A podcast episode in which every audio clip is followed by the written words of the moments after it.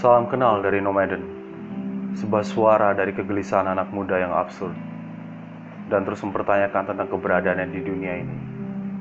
Boleh juga dibilang sebuah media platform yang membahas tentang perspektif kehidupan dan segala problematikanya. Saya Ghost akan memandu pendengar semua untuk menjelajahi ruang dimensi pemikiran yang sering kita rasa. Banyak juga yang mempertanyakan tentang hal itu. Tetapi berlalu begitu saja seperti angin tanpa jejak.